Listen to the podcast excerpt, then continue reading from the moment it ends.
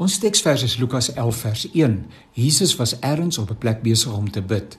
En toe hy klaar was, sê een van sy disippels vir hom: "Here, leer ons bid soos Johannes ook sy volgelinge geleer het." Die Ons Vader gebed is so bekend. Ek dink daar is min Christene wat dit nie met oortuiging kan voordra nie. Betekenisvol is dat die dit die gebed is wat Jesus sy disippels geleer het toe hulle hom vra hoe hulle moet bid. Duidelik was vertonerigheid, baie woorde, opgesmuktheid ensovoorts nie deel van Jesus se onderrig nie. Inteendeel, kry 'n stil plek waar jy en jou Vader alleen kan wees en bid tot hom wat in die verborge sien en hoor. 'n Mens sou verwag dat Jesus 'n aantal moeilik haalbare riglyne sou kon neerlê vir effektiewe gebed. Hy sou kon sê gebede moet lank wees, netjies gestruktureer, taalvaardig korrek. Hy sou 'n hele aantal waarskuwings kon rig, minimum vereistes stel vir effektiewe gebede wat 'n kans staan om verhoor te word. Hy sou die lewe vir gelowiges baie moeilik kon maak wanneer dit by gebede kom, maar hy doen dit nie. Gebed verleen toegang tot God, Drie-enig, en hy maak dit inderdaad maklik.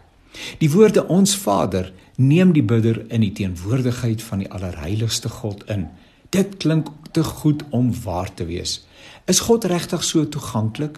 Is dit so maklik om te bid en met die Heilige te praat?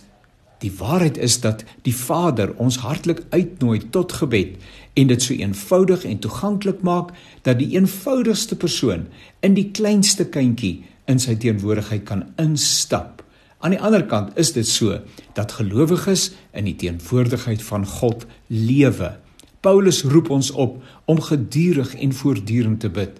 Dit beteken doodgewoon dat gebed 'n lewenshouding is. Maar so 'n bietjie struktuur in ons gebede is nie te versmaai nie.